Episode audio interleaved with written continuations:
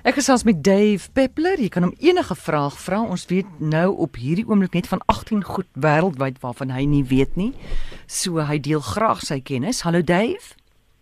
Middag môre, dankie vir daai klein uh, klein uh, bietjie water op my vlammetjie, maar um, kom ons hou dit onder 20. Goed, asseblief ja. My nommer 0891104553. Iemand wil weet, hoekom maak Adidas wit kolle oral en eet niks wat wit is nie? O, ja, nee, ek kyk baie voels as jy kyk veral na na aasvoels en die goed wat hoë kalsium inhoud ehm um, dieete het slaan die kalsium uiteraard ook meer in die in die uitwerpsels en Adidas eet slakke en slakke bestaan uitsluitlik uit kalsium. Ehm um, maar dan is daar ook natuurlik die byprodukte as jy kyk na hoendermis. Ja, ek daarmee begin ons vandag. Hoendermis ehm um, is daar ook gewoonlik wit by en ek vermoed is urea. Jy weet dit so, dit is niks vreemd mm. dat Adidas 'n uh, wit mis nie. Ehm um, want hulle het uiteraard een baie hoë kalsium in hulle dieet en twee alle voels het ja. dit in die mis. Goed, ons neem 'n oproep. Charlotte, ja. goeiemôre. Oh, goeiemôre. Ja, praat maar. Ek wil ek wil kyk of ek verdui kan vas of hy weet wat is 'n vlam van vlamskerp. Wat is 'n vlam van vlamskerp? Ja, of hy weet wat is 'n vlam. Goed. Uh, hou dit so aan. Mag ek vra wie praat nou? Leon. Leon, weet jy wat dit is? Ek weet wat dit is, maar baie min mense wat dit weet. Dave? Ha ha ha, jy het gedink dit was nommer 19, né? ek het so gehoor.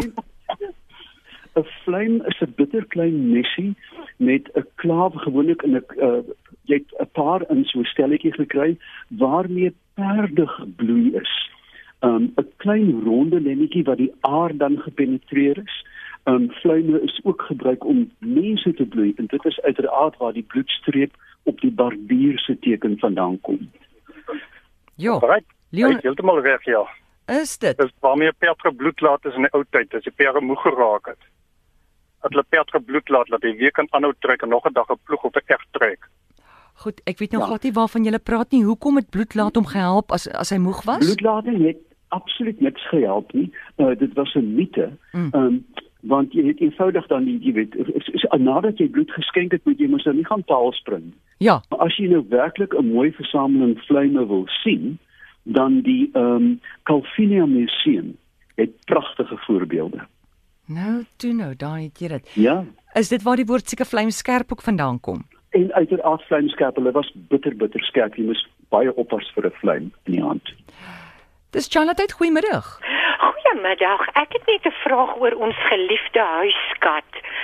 Hy het altyd by ons op die bed geslaap en nou in die winter wanneer ons ons elektriese kombersie aan het, vind ons dat hy nie meer so graag op die bed lê nie. Is dit moontlik dat hy dalk die die golwe of ek weet nie die wat nie van die elektriese kombersie kan aanvoel? Dave?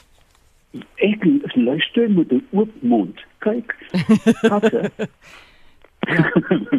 Goed, ja. Hallo. Ja, jy kan maar praat. OK. Katte kan onsaglike hoë frekwensies hoor. Baie baie hoër as die mense. Ons hoor van 20 tot 20000 siklusse. Katte gaan tot by 45000 Hz op siklusse. En ek vermoed of die konversie nie 'n soort van 'n 'n baie goed maak. Kyk, verwarmers, die ou draadverwarming maak 'n sis of 'n of 'n dreun geluid. En dit sou my nie in die minste verbaas as die kat nie van die geluid hou nie, mm. maar wat julle as mense kan dit nie hoor nie. Uh, want dit kan nie oor die hitte wees nie, want 'n kat sou mos in 'n kaggel inkruip. Ja. Ehm um, so ek vermoed dat hierdie kombers, ek sien nie uit 'n los koneksie nie, maar hy maak dalk 'n baie subtiele uh, vibrasie geluid wat die kat nie van hou nie en die frekwensie gaan beslis bo 20000 Hz lê want dis hoekom jy dit nie kan hoor nie. Goed, so daar's die oplossing. Dis nie julle nie, dis nie as as die kat nie meer van julle hou nie. Dit is net daai frekwensie van hy. Oudtydse warmwatersak en die kat kom terug. Absoluut en hy gaan jou ook lekker warm hou. Chalat, hallo. Goeiemôre man, ek gaan gou uitsin by Duiwel, hy dalk weet. Hulle volgens op monitor gesels oor in Afrika die al die mense wat so om gejag word se liggaamsdele. Bestaan al die mense onder wit mense of bestaan ons slegs onder swart mense? Bestaan daar onder wit mense? Mens sien dit net eenvoudig. Skus tog, kom gou weer. Jou vraag is uh, mense wat gejag word in Afrika waar hulle uh, dele van die lyf afsny? Of wat bedoel ja, jy? Ja, al die albino mense in Afrika wat se dink hulle liggaamsdele het mos nou magiese kragte en goed. Ja. Dit is nou saak onder swaar mense. Ek weet of albinisme nog onder wit mense of bestaan. O, albinisme onder wit mense, dis wat jy wil weet. O, Ja, Ja. asseblief. goed, dankie vir jou oproep.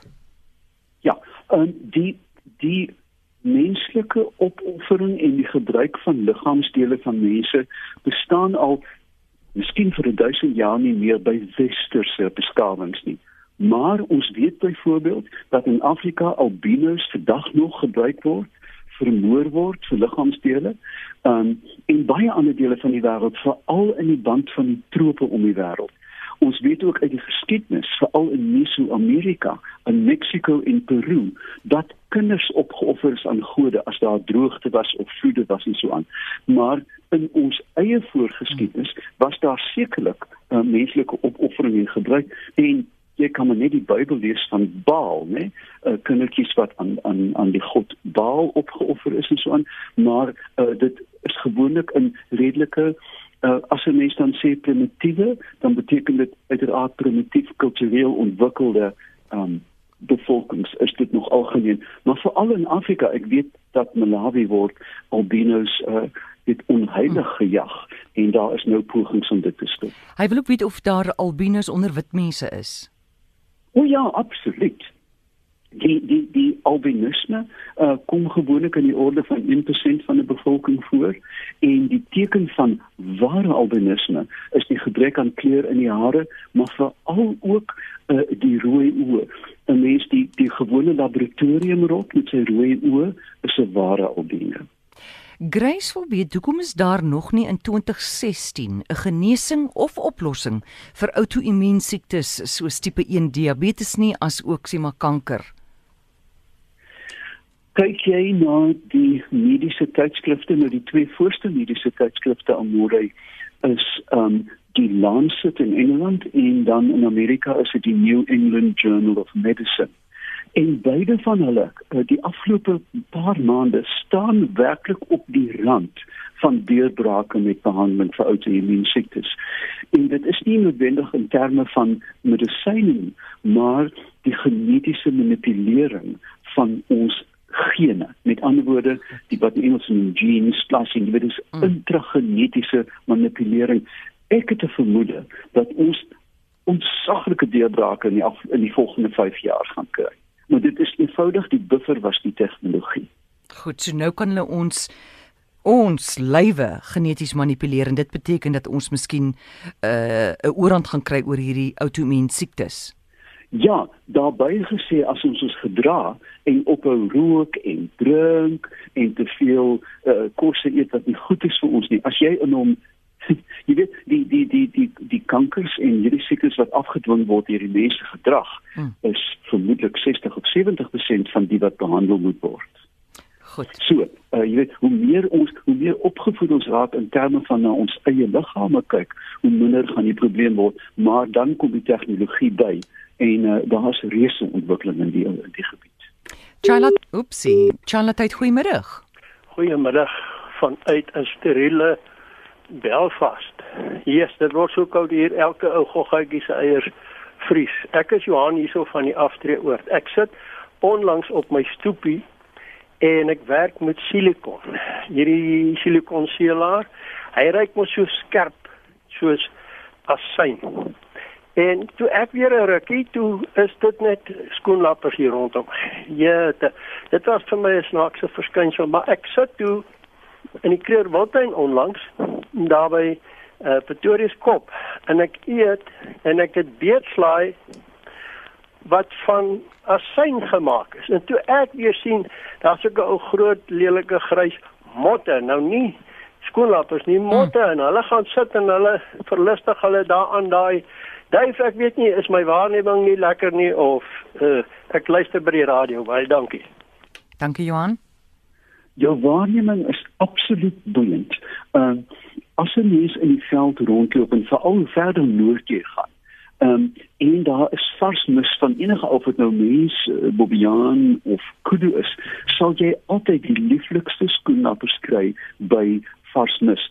Hulle word aangelok deur um, 'n hele aantal um, geure. As jy dan um, dit wil, wil beproef, hier is die resep en sensitiewe luisteraars moet nou wegkyk. Jy neem 'n oorryp piesang, maak hom fyn met 'n vurk, meng so 2 of 3 eetlepels bier, jy weet wat oorskiet bier mm. en dan gaan jy gou badkamer toe en kry 'n klein bietjie urine, menslike urine en maak 'n lekker pap. En dan sit jy dit nou op jou vensterbank of op jou stoep en jy sal oortrek word van skoennappers. So dit is uh, glad nie buitengewoon dat hulle na die asynsuure aangelok word nie. Muggies weet ons insekte word baie maklik en vliee na die asyn um, reuk gelok. So dis 'n baie lekker um, baie lekker observasie, uh, maar jy kan dit ook naboots met piesang en ander goeters. Nou hoekom lok dit nou die skoenlappers? Wat kom die skoenlapper dan nou daar maak? Kyk, dit is 'n insek ding. Ek dink jy gaan iets anders as streepmuise daar kry nie hulle kom voed. Hulle dit is letterlik die die die gustingsprodukte van oorryp vrugte, né? Ehm um, jy weet mos as 'n vrug te ryp word dat hy suur ryk. So, dit is vir hulle eenvoudig die die beetslaai is net rooi marulas. Ehm um, hulle kom af op die teken van oorryp vrugte. Goed, ons vat nog 'n oproep Charlotte, hallo. Asseblief, uh, ek het ook 'n katterag gevra. Mm. Ek het ek loop op twee bene, ek struikel oor my voete. Nou het ek 'n kat wat oor my lesenaar loop en sy loop oor die ehm um, potter pot oor die penne, die telefoon en goed, sy stamp niks af nie. Hoekom?